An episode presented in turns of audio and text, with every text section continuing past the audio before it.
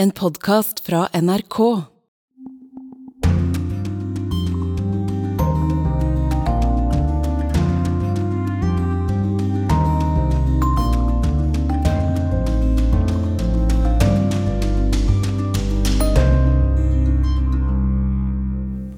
På klimatoppmøtet i Egypt forhandler partene på overtid. Men vil rike land bli enige om å betale for ødeleggelser etter naturkatastrofer i fattige land? Arbeidere på slavekontrakter har bygget fotballarenaene i Qatar. Så kan fotballfans glede seg over å se VM-kampene. Vi har snakket med arbeidere i Nepal og to norske fotballelskere som også er opptatt av etikk. Ukraina og president Zelenskyj har for en sjelden gang bommet på mediestrategien sin. Og vi skal til Narva i Estland, en russisk-dominert grenseby, der den unge generasjonen sier at vi vil stå sterkere opp mot Russland. Vi skal også innom Iran, der protestene fortsetter, og til Italia, der en rettssak om bruken av ordet bastardo står sentralt. Korrespondentbrevet handler om valgkampen i USA før kongressvalget, da en hel verden holdt pusten. Du er fake news. Og du, og du, og du. Kvinnen i knallblå bluse står rett foran meg med en utstrakt pekefinger. Du hører på Urix på lørdag, og Sissel Wold er i studio. Vi begynner i Egypt, i Sharm el-Sheikh. Der har mer enn 200 land møttes for å bli enige om hvordan den globale oppvarmingen skal kunne bremses. Og som vi hørte i Dagsnytt nettopp, er Norge og EU kritiske til det foreløpige utkastet til slutterklæring fra klimatoppmøtet i Sharm el-Sheikh. På dette eh, toppmøtet har økonomi vært et viktig tema. Nærmere bestemt hvordan fattige land skal få hjelp fra de rike til å betale for tap og skader som skyldes global oppvarming. Dette har i årevis vært et tilbakevendende tema, men i år er finansieringen endelig blitt et formelt punkt på agendaen. Men det er nok fortsatt en lang vei å gå før det kommer på plass en ordning som innfrir forventningene. I'm here because I wanted to attend the COP. Especially, I'm concerned with the, this climate change, which some, which is something which is uh, Jeg ville delta på klimatoppmøtet fordi jeg er uroa over klimaendringene i heimlandet mitt. Det sier Sandra Kenyomvi fra Burundi. Hun er en av rundt 40 000 mennesker fra hele verden som har tatt turen hit til Sharm el-Sheikh. Hun er nestsjef i ODEM, en organisasjon som arbeider med miljø og bærekraftig utvikling. Normally we have a raining season and um, it's like two three months but we don't have rain we didn't get any rain it was like one month on one or three times in a month so are Vanligvis har vi regnet i to-tre måneder, men nå er det bare regn noen få ganger i måneden. Det er et stort problem. Vi mangler mat. Vi frykter hunger, sier hun. So and, and is, uh, is big, big. Det kom et positivt signal da klimatoppmøtet her starta for to uker siden. For første gang var finansiering av tap og skade et formelt punkt på agendaen. Tap og skader som følge av global oppvarming. Noe svært mange land opplever, og som mange ikke greier å håndtere økonomisk. Yeah, it was an agenda, but when it's on the agenda and there's, and there's no solution, there's no result, what does it mean? Det hjelper ikke om det står på agendaen, dersom det ikke fører til et konkret resultat. Noe må skje, sier hun. Det er ikke vi som ødelegger planeten. Nå må de rike landene stille opp. So, ones uh, really the, the, the, the planet. So We need actions now. We need the developed countries decide exactly what they have to do now. Sandeep Chamling Rai har kommet hit fra Nepal. Han er seniorrådgiver i WWF og har 18 klimatoppmøter bak seg. Han er glad for at det nå ligger an til å bli et eget fond for å hjelpe de mest sårbare landene med tap- og skadefinansiering. So getting that establishment of and damage fund at this particular COP will be a big victory for us. Det har vært lenge å vente. Men vi må også forstå at de rike landene trenger tid, sier han. Yeah, it is indeed. Well, it is really painful to wait for for long, for I would say many years, to to, to be honest.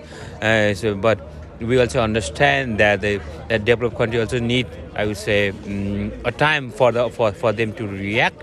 But we have been working with both our colleagues. Ting går sakte i det internasjonale klimaarbeidet. Men klimatoppmøter er den arenaen vi har globalt, sier Sandeep Chamling Rai. Vi må være optimistiske. we don't have any any other global platform where we can raise our voice, right? So, so this is the this is the platform that we have to live with it, and definitely it is painful and so slowly, but we have to be optimistic, and and we are optimistic that this will this process will somehow give a good outcome Sandra Kinyomvi fra Burundi reiser snart tilbake, og innser at styresmaktene nok må ta saka i egne hender.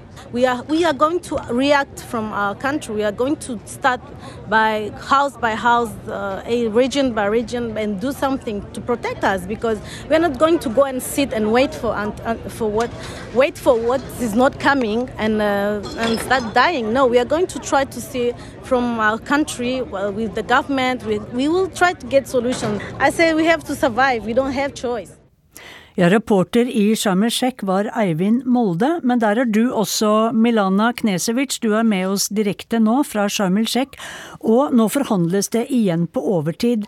Er det noen eh, tips eller rykter om når partene kommer til å bli enige?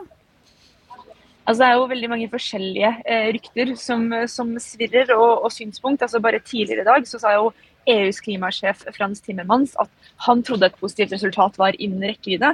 Men så når vi eh, gikk bortover her eh, bare for noen minutter siden, så møtte vi på Norges klimaminister Espen Barth Eide, som sa at forhandlingene nå går dårlig. Eh, og en egyptisk representant sa jo i går vel at de kan holde på helt til mandag, de, om det er det som må til for å få en avtale på plass nå. Så det er fortsatt veldig usikkert når dette her blir ferdig. Og som vi akkurat hørte i reportasjen, så er jo tap og skade som er forårsaket av klimaendringer blitt et stort eh, tema. Og EU har jo foreslått å opprette et fond som kan ta seg dette. Men har EU fått med seg andre rike land som f.eks. Saudi-Arabia eller Kina på denne ideen? Eh, eh, enn så lenge ikke, og det er jo et stort eh, forhandlingspunkt, stort spørsmål som gjenstår. Altså Tap og skade handler jo om disse ødeleggelsene det nå er for seint å forhindre ved å kutte utslipp. F.eks. Altså den katastrofale situasjonen i Pakistan som, som vi så nylig. Og For fattige land så er jo dette her et, fundamentalt et spørsmål om rettferdighet. For det er jo rike land i Vesten da, som, som har stått for den mesteparten av de historiske utslippene som har ført til klimaødeleggelsene vi ser i dag. Mens fattige land som har sluppet ut lite, har fått noen av de verste konsekvensene. Eh, Så De mener jo da at eh, her må, må eh, rike land betale sin klimagjeld. Men så mener jo rike land da at land som Kina for eksempel, som de siste årene har blitt mye rikere og også blitt en stor utslipper, verdens største utslipper, også nå har en, en rolle å spille her og skal betale inn i disse fondene. Og da f.eks. Saudi-Arabia også, som du sier, ikke minst, som i tillegg da tjener masse penger på fossil energi. Eh, Mens de landene da mener at nei, det er Vesten som historisk har det største ansvaret, så de må ta denne regninga. Så dette her er, er noe de fortsatt diskuterer nå, eh, langt på overtid. USA er jo svært viktig i miljøsammenheng, og USAs klimautsending John Kerry er jo en pådriver og en veldig respektert mann i dette arbeidet. Men nå har jo han testet positivt for korona. Har det noe å si for eh, sluttforhandlingene, tror du? Altså, Kerry spiller jo en lederrolle her, som du sier. Han er veldig respektert, har masse kontakter, er en faren diplomat med stor tyngde på klimafeltet. Eh, Og i slike forhandlinger så kan det jo være den det personlige grepet som, som på en måte kan Det er jo nyanser her, så det kan jo på en måte tippe, tippe ting over. Eh, Men de sier da at han jobber med forhandlingsteamet sitt eh, og med utenlandske motparter via telefon. For, for å sikre best mulig utfall av konferansen. Så, eh, så vi får se om det, om det blir like bra som å ha han eh, i aksjon eh, ute på gulvet her. Kort til slutt, Milana. Du har jo vært på tre klimatoppmøter før. og Merker du noen økt bevissthet eller noe mer solidaritet eller en, en visshet om at rike må hjelpe de fattige? For vi lever jo tross alt bare på den ene og den samme kloden. Altså, som vi hørte i reportasjen, I år så er jo tap og skade for første gang offisielt på agendaen for toppmøtet. så Det, jo, det, det gir jo et signal om at, om at det har skjedd en, en, en utvikling på, på, det feltet. Men det fattige land er, er bekymra for, er liksom er dette her nok en gang bare ord, eller kommer det til å komme penger på bordet? Og Det får vi da forhåpentligvis vite eh, i løpet av dagen. Takk skal du ha, Milana Knesevild, som var med oss direkte fra Sharm el-Sheikh.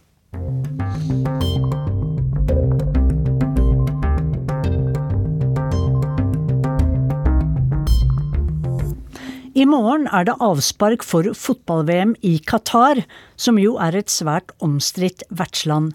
For første gang arrangeres fotballfesten i et muslimsk land med sharialover som rettesnor. En sak eh, fra i går eh, er at ølservering på kamparenaene forbys under Qatar-VM. Dette til tross for at Budwiser er en stor og fast VM-sponsor. Men langt mer alvorlig er det at det søkkrike Lilleputt-staten behandler migrantarbeiderne sine så dårlig. De går rett og slett på slavekontrakter. Og 90% av de tre millioner mennesker som bor i Qatar, kommer fra andre land. Flere hundre tusener av dem er arbeidere fra fattige land som India, Bangladesh og Nepal. Og Midtøsten-korrespondent Yama Wolasmal han har akkurat vært i Nepal for å møte noen av de mennene som har bygd opp VM-landet. Nå kjører vi på en eh, altfor smal og steinete grusvei eh, med en ganske bratt eh, dal rett på siden av oss her. Eh, vi er på vei til eh, huset til en av de arbeiderne som har jobbet i Qatar i flere år. Det huset har han bygd med pengene han har tjent i Qatar. Vi skal besøke han og familien og se hvordan de bor. अभी चार कमरे हैं और बेडरूम चार है अंदर एक बाथरूम है और एक किचन है और एक लिविंग रूम है Bidor viser oss rundt på fjelltomta si, der han har bygd et eh, flott hus på to etasjer med flere soverom. En drøm som har gått i oppfyllelse, sier den tidligere migrantarbeideren.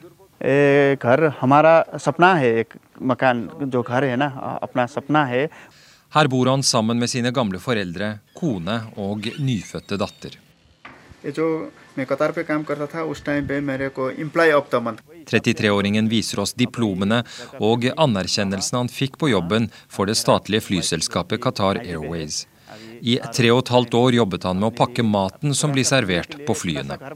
Han sier at det korte oppholdet i Qatar endret livet hans. Jeg giftet meg etter bare ett års opphold. I dag bor kona mi og datteren min under samme tak som foreldrene mine. Livet er komplett, sier den fornøyde ettbarnsfaren, tydelig stolt.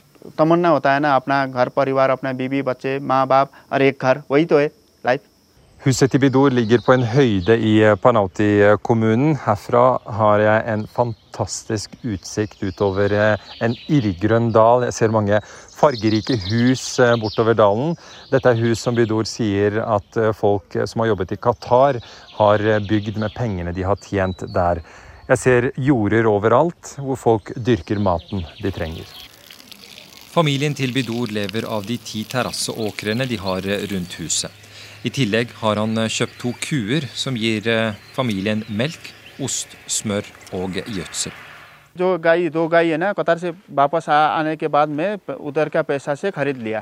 Han forklarer at det var lønna som trakk ham til Qatar. Jeg tjente ca. 80 000 nepali rupier.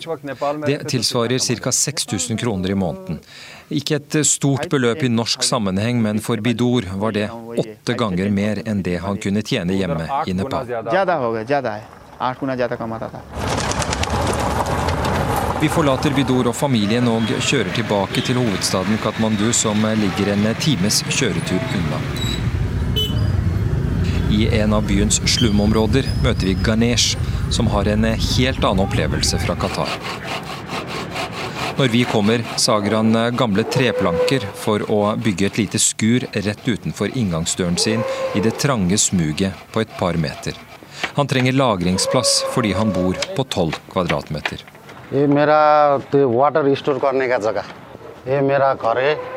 Please welcome 36-åringens hjem består av ett rom med en dobbeltseng og en liten sofa i et hjørne. Her bor han sammen med kona og datteren Naisa på sju år.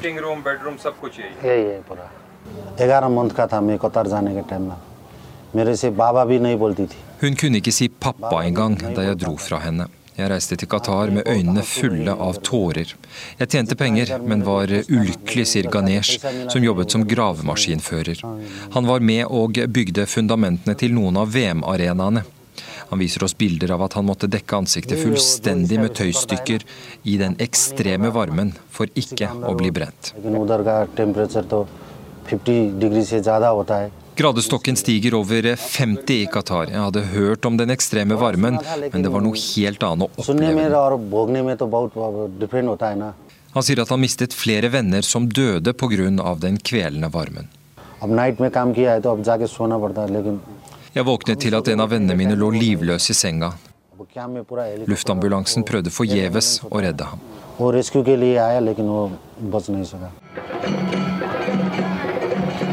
Ganesh sier han aldri vil tilbake til Qatar, men sier at en del av ham vil alltid være igjen i VM-landet.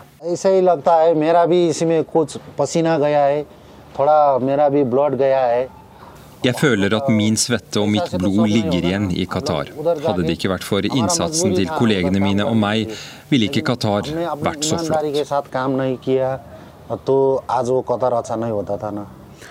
Ja, Qatar hadde ikke vært så fint uten oss, sa denne migrantarbeideren til NRK. Og for millioner av fotballfans over hele verden er dette litt vanskelig, for kan de glede seg over å se kampene med et slikt bakteppe? Eh, I studio her så har jeg med deg Jon Peder Egenes, eh, generalsekretær i Amnesty Norge. Ja, og Per Arne Kalbakk, etikkredaktør her hos oss i NRK. Hei. Eh, hvilke lag er det du følger nærmest, eh, Kalbakk? Ja, jeg har, eh, som vokste opp med engelsk fotball og Kevin Keegan på 70-tallet, så har det alltid vært England som har vært det laget som har har stått meg nærmest, og som jeg alltid har fulgt i EM og VM. Og så har det jo alltid vært noen sånn kortvarige forelskelser i gode utgaver av Brasil, Frankrike, Italia. Eh, Men, men det er England som er det laget jeg alltid håper skal gjøre det litt bedre enn de pleier å gjøre. Og du, Egenes? Ja, Det blir veldig kjedelig dette her, for jeg har vokst opp med engelsk fotball og George Best. og um, Det er samme for meg. Jeg har, uh, Hjertet mitt banker uh, veldig hardt for England. Uh, jeg prøver av og til å tenke at jeg, nei, nå skal jeg ikke holde med England, men så ender jeg opp med å gjøre det uansett. Og du er Manchester United-supporter? Det stemmer. Og du er Liverpool-supporter? Det er riktig. Hva skal dere se på av kampene under Qatar-VM nå? For nå er det jo en stor diskusjon. Skal man se på, skal man ikke se på? Dere har jo begge to jobber eh, der etikk og menneskerettigheter er eh, veldig viktig. Hva skal du se på, Egenes? Nei, jeg har sagt, um, og det er sant, at jeg på en måte, i motsetning til vanligvis når det drar seg til mot VM, så har jeg på en måte ikke den samme gleden. Det er nok en yrkesskade. Jeg har jobbet veldig lenge med menneskerettighetssituasjonen i Qatar nå. uh, sånn at jeg har sagt at jeg, jeg, jeg sier ikke at jeg boikotter. Uh, hvis det drar seg til mot en åttendelsfinale mellom England og Tyskland f.eks., så er jeg ganske sikker på at jeg kommer til å, til å se på den. Men, men jeg vet at jeg, jeg kommer ikke til å se så mye som jeg pleier. Det er helt sikkert. Ja, For min del så er det jo en del av jobben min faktisk å følge med på, med på, dette, i hvert fall i NRK.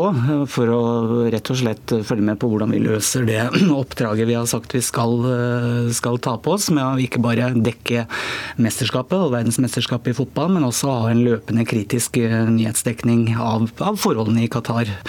Men så er jo også jeg fotballsupporter og ville normalt sett sett på et VM, men jeg, jeg merker jo at jeg, jeg, har, jeg, pleier å glede meg noe vanvittig til fotball-VM og holde på i ukevis med å lese meg opp på formutvikling og spillere og skader og treningskamper og ene med det andre, men nå har jeg nesten ikke tenkt på det. Jeg har ikke oversikt over hvilke land som er i hvilke grupper. Så dette har jo også tatt gleden ved fotball og fotball-VM bort for veldig mange, tror jeg. Et problem nå som vi har sett, som også Amnesty har diskutert tidligere, er at disse enormt store verdensmesterskapene er jo veldig veldig kostbare etter hvert. Demokratiske politikere og ledere kvier seg for å brenne så mye penger på idrett. Mens autoritære land og diktaturer ser jo dette som stort å få disse store verdensmesterskapene til sitt land. Hvordan blir det fremover, tror dere? For nå melder jo The Times om at Saudi-Arabia har meldt seg på for 2030. Ja. Nei, altså Utviklingen har jo gått i den retningen at uh, autoritære stater er veldig opptatt av å få disse mesterskapene. og de, Det viser, viser, seg jo at de er jo villige til å bruke helt utrolige summer på dette. Og det, og det, er jo på en måte ingen demokratisk kontroll over pengebruken, som du sier. fordi borgerne Uh, har ikke noe de skulle ha sagt uansett. Så, men det går jo an. altså Det var vesentlig billigere OL i London enn det var i Beijing f.eks. Så det går jo an å gjøre dette uten å svi av så mange milliarder som det disse autoritære statene gjør. Uh, og det er også noe de store idrettsorganisasjonene kanskje kunne tenke litt igjennom. Kanskje man kunne sette noen tak på liksom, hvor, hvor, mange stadioner altså Sånn som i Qatar måtte jo bygge alle stadioner, for de hadde jo ikke stadioner av denne typen.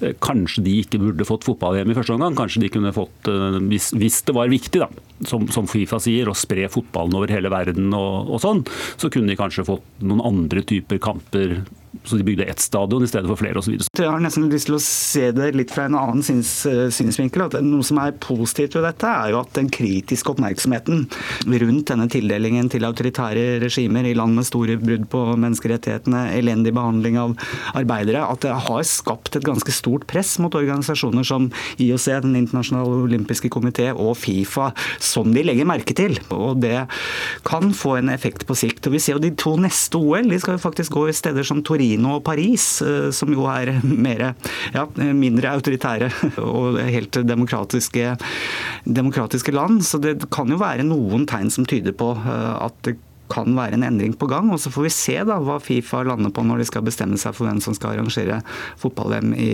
2030. Men det er veldig lett for Norge og mange andre land å kritisere Qatar. Eh, fordi at det er et land som ikke er veldig viktig for de fleste andre land.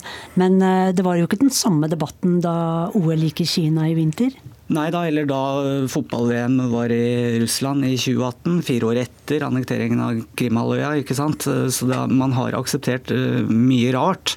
Men jeg tror at det er Og hva som skjedde under byggingen av OL-stadioner i Kina, tør jeg nesten ikke å tenke på engang, men de, har jo mye mer kontroll på hva som kommer ut av, av historier.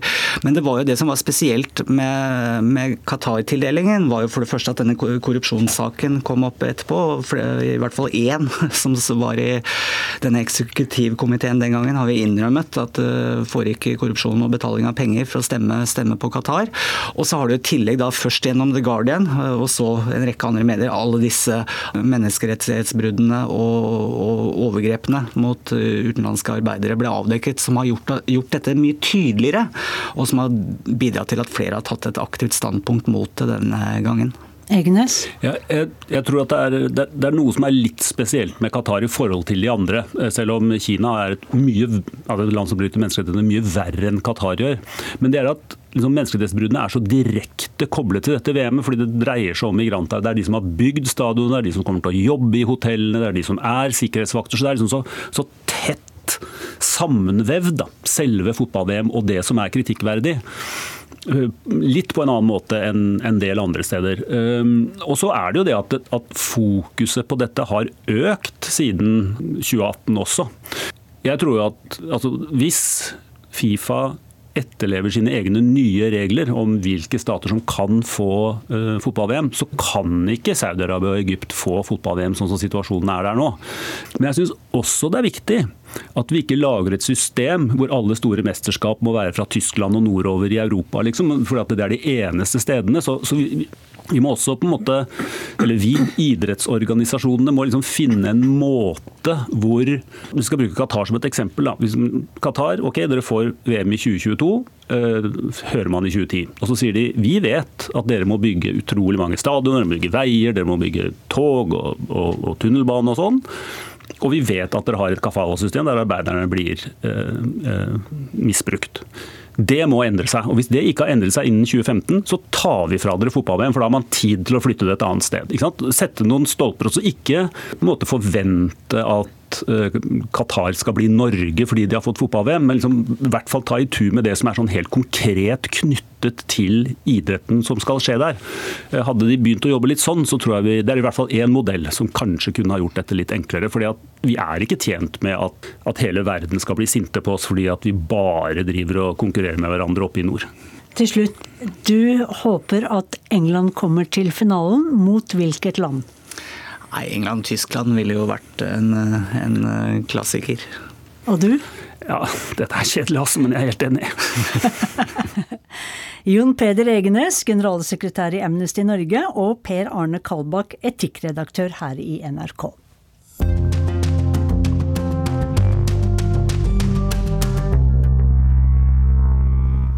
Helt siden Russland angrep Ukraina i februar, har Ukrainas president Volodymyr Zelenskyj vært en ubestridt helt i store deler av verden.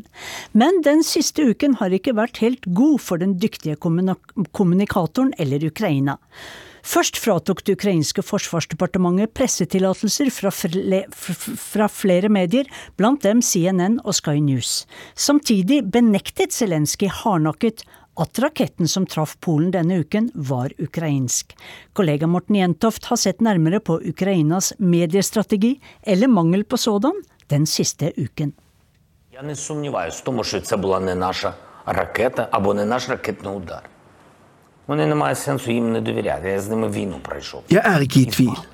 og jeg bygger min informasjon på mine kontakter med sjefen for det ukrainske luftforsvaret og øverstkommanderende Salusjny. Dette var ikke vår rakett. Dette sa Ukrainas president Volodymyr Zelenskyj etter at en rakett tirsdag falt ned i den polske landsbyen Psjevodov.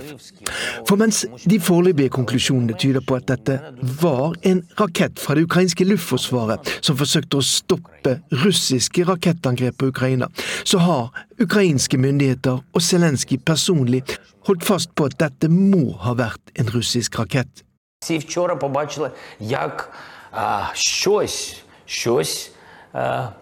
De fleste er også enig med Zelenskyj at det som skjedde i Polen, der to mennesker ble drept, er en tragedie, på lik linje med det som har skjedd i Ukraina i åtte år pga. russisk aggresjon. Men det var noe med måten Zelenskyj presenterte saken på, med bastant å slå fast en konklusjon som blant annet både USA og Nato neppe sa var riktig, som har gjort at mange har lurt på mediestrategien til den tidligere TV-personligheten Zelenskyj. The moment is very important. That is the biggest, the biggest city what was occupied. It's Mandag denne uken så vi Vladimir Zelenskyj i en rolle som har mestra bedre enn de fleste, da han besøkte den frigjorte byen Kherson sør i Ukraina. Dette var og er en stor seier, både militært og propagandamessig for Zelenskyj og ukrainerne. Kherson var den eneste regionhovedstaden som Russland hadde klart å erobre, i det de trodde skulle være en rask og lett seier. Etter at de gikk til angrep på Ukraina 24.2 absolute euphoria here at the moment. I'm using the phone and we're communicating by the camera and by satellite. It's a, it's a bit of a chaotic mess. There's no phone signals here. The Russians have taken all that down. Men to dager tidligere hadde allerede den amerikanske TV-kanalen CNNs reporter Nick Robertson rapportert om frigjøringen av Kherson på direkten blant jublende i sentrum av byen.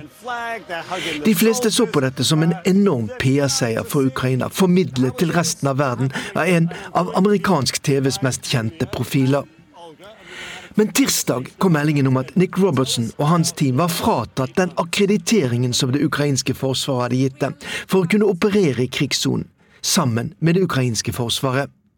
The Russians may have been forced to retreat in a humiliating defeat here. Og det samme hadde skjedd med Alek Rossi fra den britiske TV-kanalen Sky News og flere ukrainske reportere og medieplattformer. Begrunnelsen som det ukrainske forsvaret la ut på sine Facebook-sider, var at disse mediene ikke hadde opptrådt i tråd med det som var grunnlaget for deres akkreditering, og at de ikke hadde fått en spesiell tillatelse til å reise inn i Kherson fra relevante kommandører og Forsvarets presseavdelinger, som det står i pressemeldingen. En ukrainsk politisoldat viser oss rundt i det som var en russisk posisjon i mer enn et halvt år. NRK har, i likhet med tusenvis av reportere og fotografer fra hele verden, fått tildelt den samme type akkreditering som CNN og Sky News nå har blitt fratatt. Du kan på generelt grunnlag få jobbe som journalist i store deler av Ukraina uten den akkrediteringen.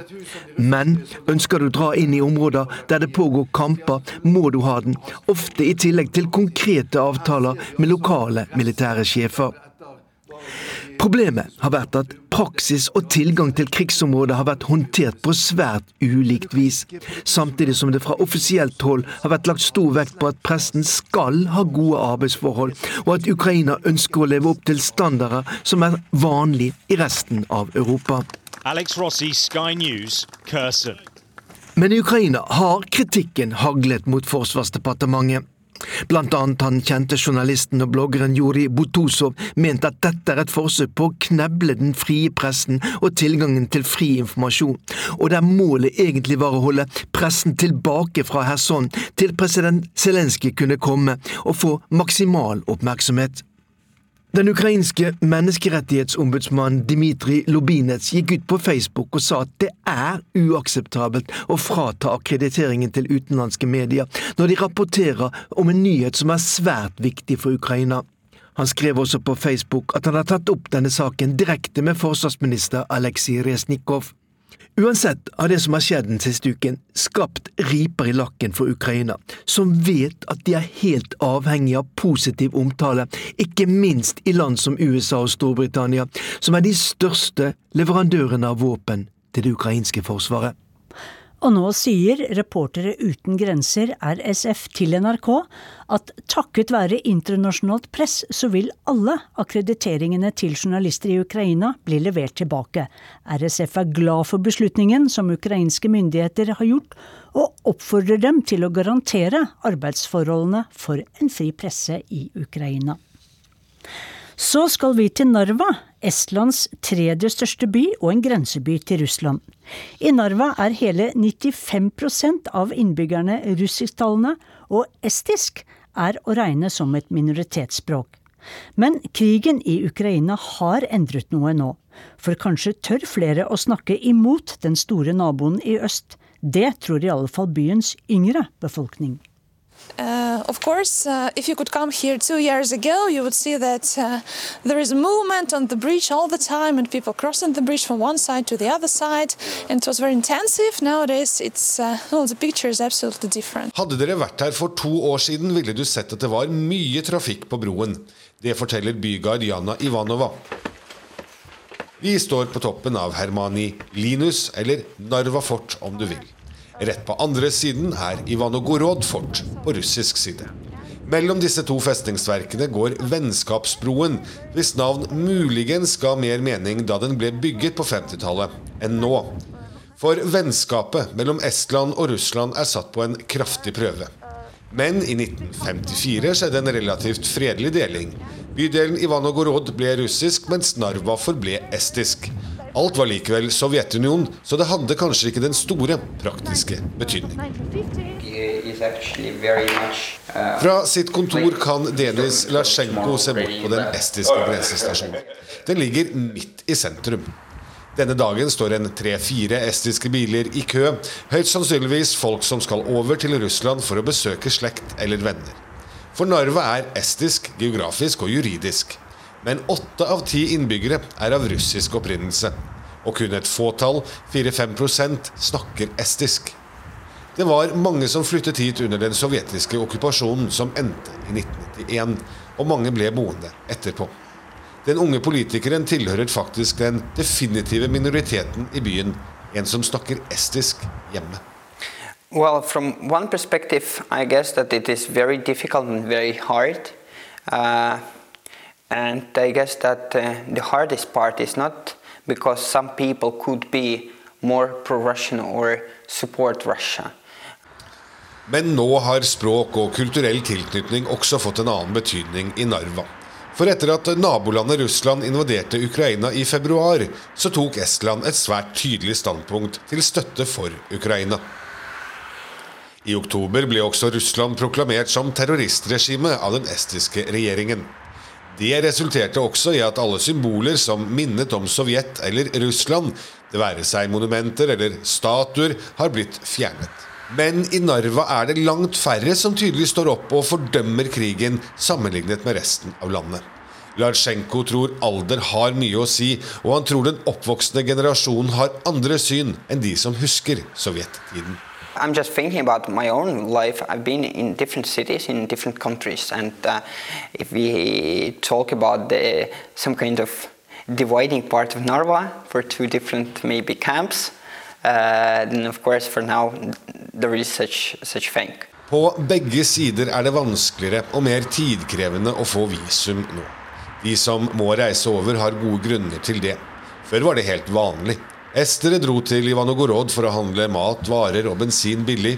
Folk i Ivanogorod dro til Estland for å handle varer det kanskje var begrenset tilgang på i Russland. Eller for å besøke familie og venner. Nå er det de mest nødvendige turene som gjennomføres. Uh, personally, I would say it's very uh, it's sad because, of course, this uh, everyday life of people was ruined when everything was closed. And uh, uh, as far as it's more like emotional, and again, it's everyday people life when they had to cross the border for those reasons of work, of studies, of seeing the family. So it's not like something like political or or you know uh, ideolog ideological. It's more like everyday thing that people had to do, but now they do not uh, have any opportunities to do it. Det er synd at det har blitt slik, sier guiden vår. Hun tilhører likevel den generasjonen som ikke føler en like sterk tilknytning til Russland. Den vikarierende byrådslederen gjør seg klar for å ta kvelden. Ute på gaten hilser han på en venninne. De snakker russisk sammen Привет. Как твои дела? Нормально. Все хорошо? Men Larsjenko bedyrer at han også snakker mye estisk. Det er bare ikke så lett når man er en av veldig få. Han tror likevel det er en endring på gang i Narva. At krigen i Ukraina har skutt fatt i noe. That there is a big change in society. Elder people are It's bad to say that, but but that's truth. Uh, they they die. youngsters are getting older and uh, there is a switch of, of generation happening and of course there is a kind of change in thoughts and uh, some kind of uh, perspectives. Eldre mennesker dør, og de som er unge, blir eldre og har med seg andre holdninger, forteller han. Så det kan altså hende at Narva blir helt estisk igjen, av helt naturlige årsaker. Norden-korrespondent Joakim Reigstad rapporterte om nye vinder og nye tider fra Estland.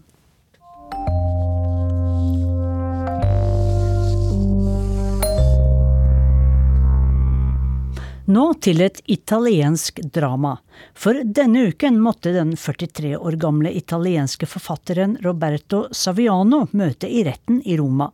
Han er anklaget for å ha fornærmet politikeren Georgia Meloni i beste sendetid på TV for to år siden. Siden da er Meloni blitt statsminister. Nå er det mange som spør seg om det ikke er en underlig demokratisk praksis å la en dommer bestemme om det er greit å bruke, bruke stygge ord om toppolitikere. Vår mann i Roma, Simen Ekern, følger rettssaken. En desemberkveld for snart to år siden var forfatteren Roberto Saviano gjest i et av Italias mest populære talkshow. Det handlet om migranter og flyktninger. En seks måneder gammel baby hadde akkurat druknet i Middelhavet på vei til Italia, og Saviano var illsint. Meloni, a Salvini, bastardi.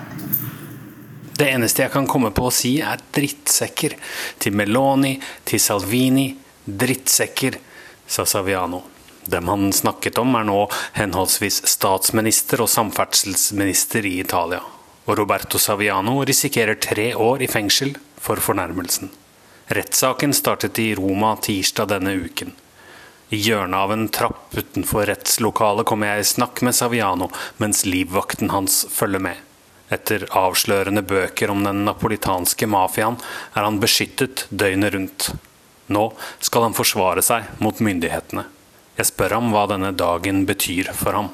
L'obiettivo non è soltanto colpire me, ma chiunque si esponga su questi temi.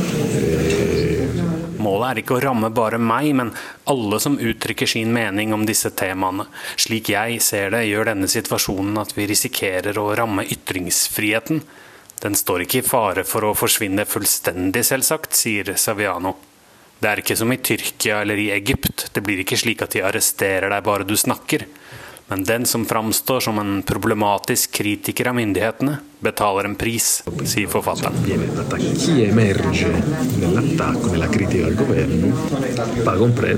Han har tidligere snakket om la macchina del fango, gjørmemaskinen, som han kaller mediene som angriper han.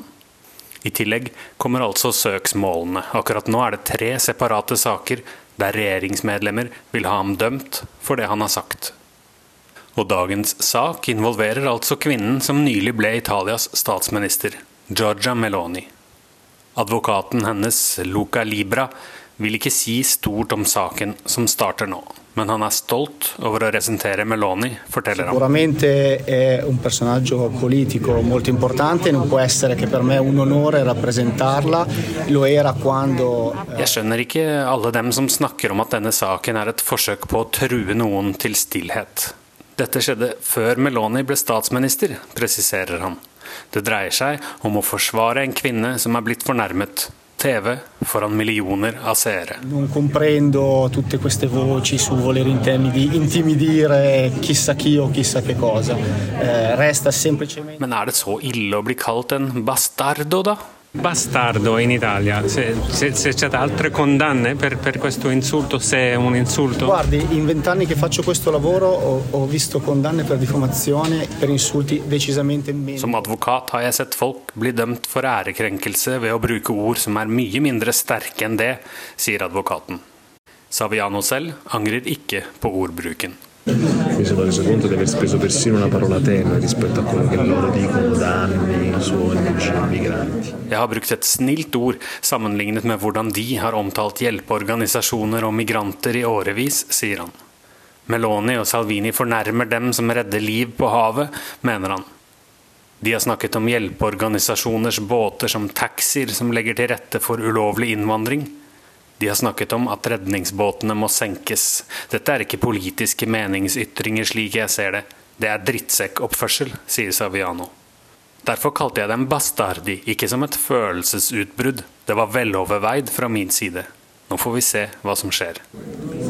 Oppure parlare di affondare le navi che salvano vite, questo non c'entra col dibattito politico, è una bastardata.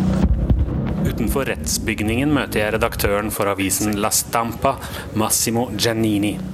Han mener saken i seg selv viser en merkelig side ved det italienske demokratiet. L'impressione è che siamo dentro una vicenda che dimostra, se vogliamo, anche un po' l'anomalia della democrazia italiana, no? perché la dismisura che esiste. At en intellektuell sitter på tiltalebenken for å ha fornærmet en politiker, det er temmelig uvanlig.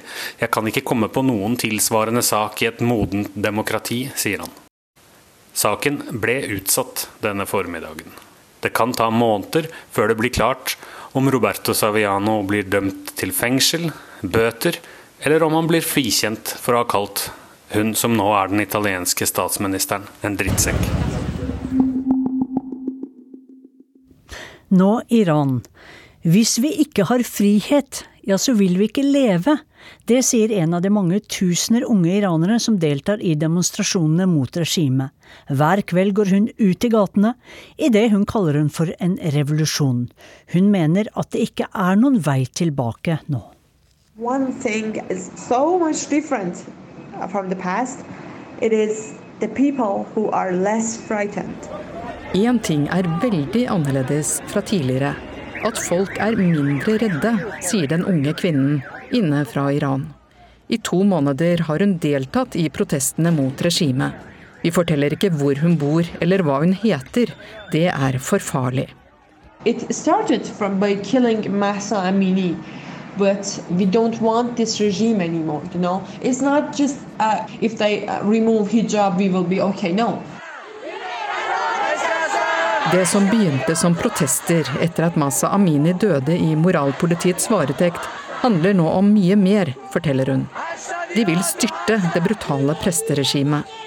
Men selv om det ikke bare handler om hijab, husker hun en episode som forteller hvordan hun og andre kvinner opplever en ny følelse av makt og samhold fordi de går uten. I was walking from one street to the other. On my way, I saw a group of girls who didn't hijab. I, I didn't wear hijab. So we became friends. We walked together to the destination. In the middle of our way, uh, we faced police force. Jeg krysset gata da jeg så noen jenter uten hijab. Jeg gikk også uten. Så vi ble venner og gikk sammen til demonstrasjonene da vi så politiet. Før ville vi ha dekket i håret og passerte med bøyd nakke. Men ikke nå. We didn't do that. We didn't have hijab. And we laughed. We laughed at the police. We laughed because we don't fear them, you know. Vi lo av politiet, for vi er ikke redd for dem, sier hun. Men bak ligger et dypt alvor der unge mennesker blir fengslet og drept for å protestere. Selv har hun klart å slippe unna ved å stikke inn i smug og skifte til ekstra klær hun har med seg. A backup jacket, a backup t-shirt, so you can change it. You change the red t-shirt, now you wear a black t-shirt. It confuses them. Kvinnen i 20-årene sier at de unge i Iran ikke har noe å tape. I have been working since I was 16 and I don't have a saving. Jeg har jobbet siden jeg var 16 år, uten å kunne spare noen penger. Går jeg til tannlegen, koster det halve månedslønna. Jeg har ikke råd til bil, har ikke råd til å stifte familie. People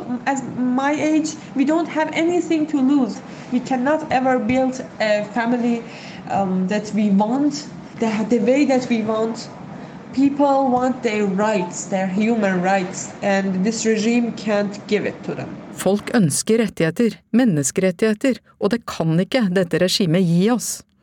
60% av alle iranere er under 30 år, og mange ønsker å leve det livet de ser andre unge lever på sosiale medier.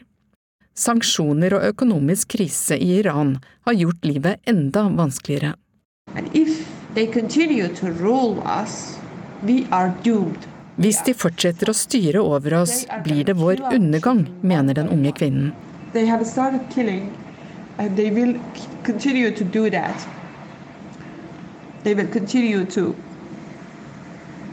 kill young people. So there is no going back. If we go back, we die. If the world don't pay attention to our problems, they, the world don't help us, we will die one by one. Hun tror de vil fortsette å drepe unge mennesker, og sier det ikke er noen vei tilbake. If we don't have our freedom, we don't want our life. A life that isn't lived free isn't worth living. Et liv uten frihet er ikke verdt å leve, sa denne unge kvinnen til korrespondent Åse Marit Befring.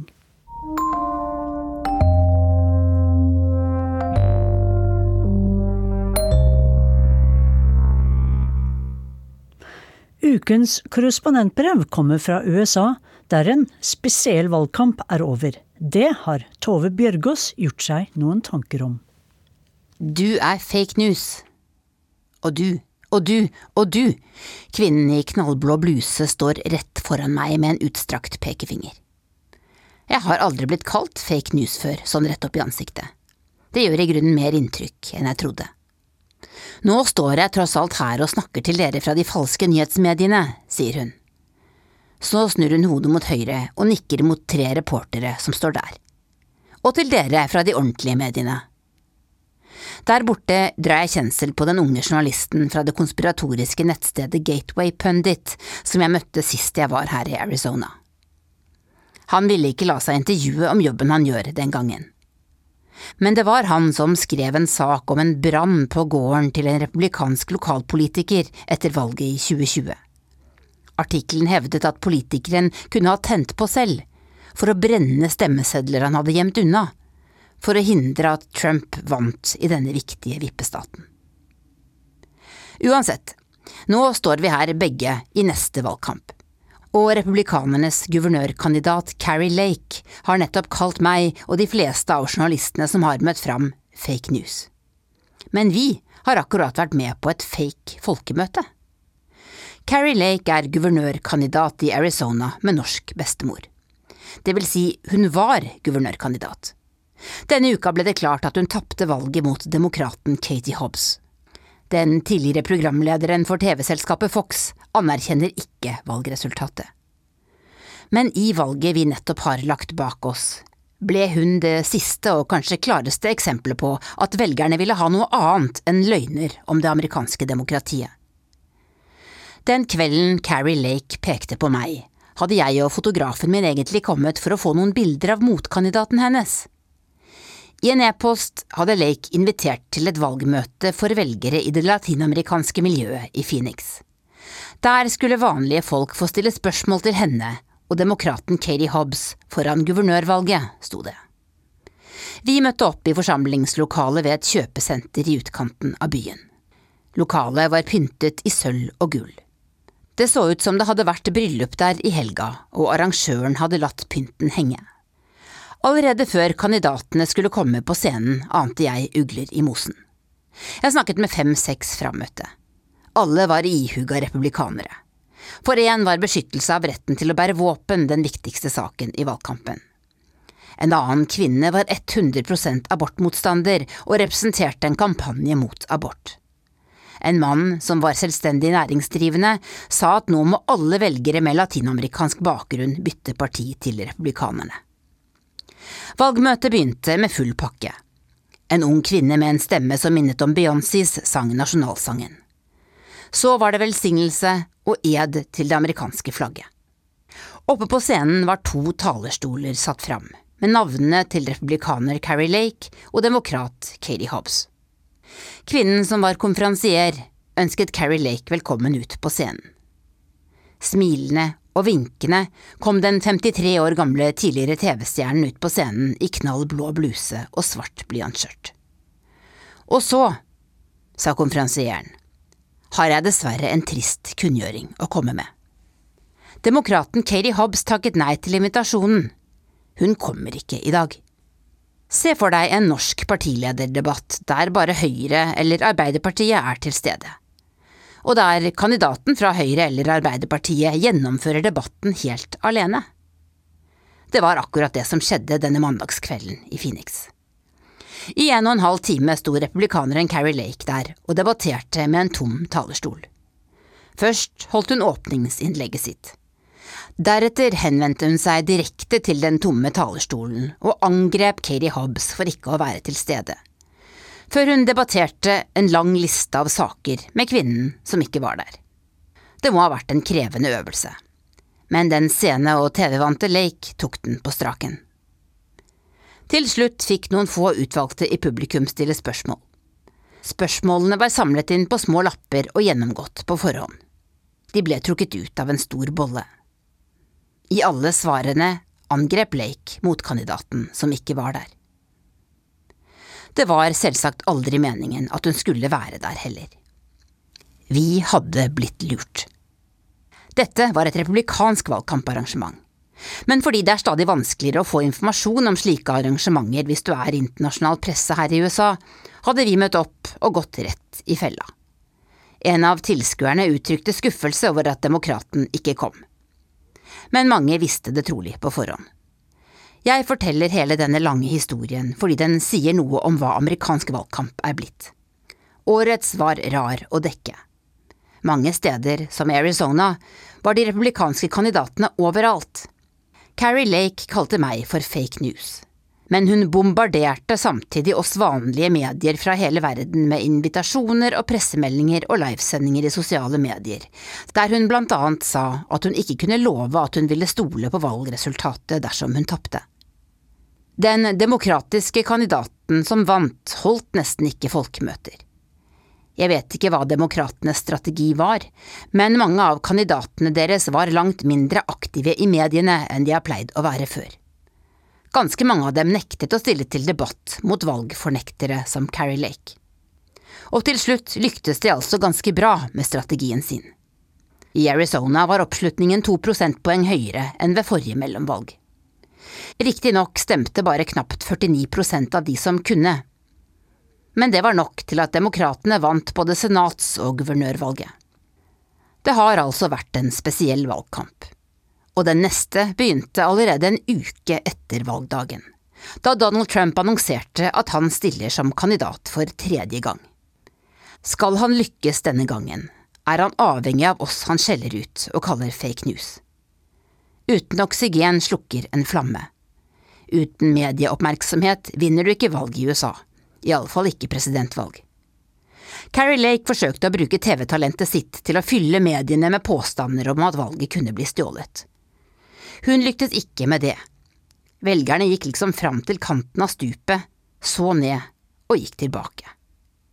Det handler ikke om hvilket parti man tilhører, men om demokratiet i USA skal overleve. Det var budskapet til en som både vant og tapte på en gang, da hun holdt sin avskjedstale til Kongressen på torsdag. Demokraten Nancy Pelosi vant sitt eget valgdistrikt i San Francisco med like mange prosent som år hun har levd. 82. Men partiet hennes tapte flertallet i Representantenes hus. Og nå skal en annen lede Demokratenes partigruppe videre. Men med et smil om munnen takket Pelosi for seg. Hun som også opplevde at mannen hennes ble angrepet av en konspirasjonsteoretiker og slått i hodet med en hammer like før valget. La oss tenke på det president Lincoln sa i en av USAs mørkeste timer, sa Pelosi. Han ba oss komme sammen, endre kurs og appellere til vår naturs bedre engler. Jeg ser fram til det neste kapitlet i vår nasjons historie, sa Nancy Pelosi. Med det er denne Urix på lørdag-sendingen snart slutt. Teknisk ansvarlig var Stein Nybakk, produsent Dag Dørum, ansvarlig for sendingen Tore Moland, og her i studio Sissel Wold, som ønsker fortsatt god helg. Du har hørt en podkast fra NRK. De nyeste episodene hører du først i appen NRK Radio.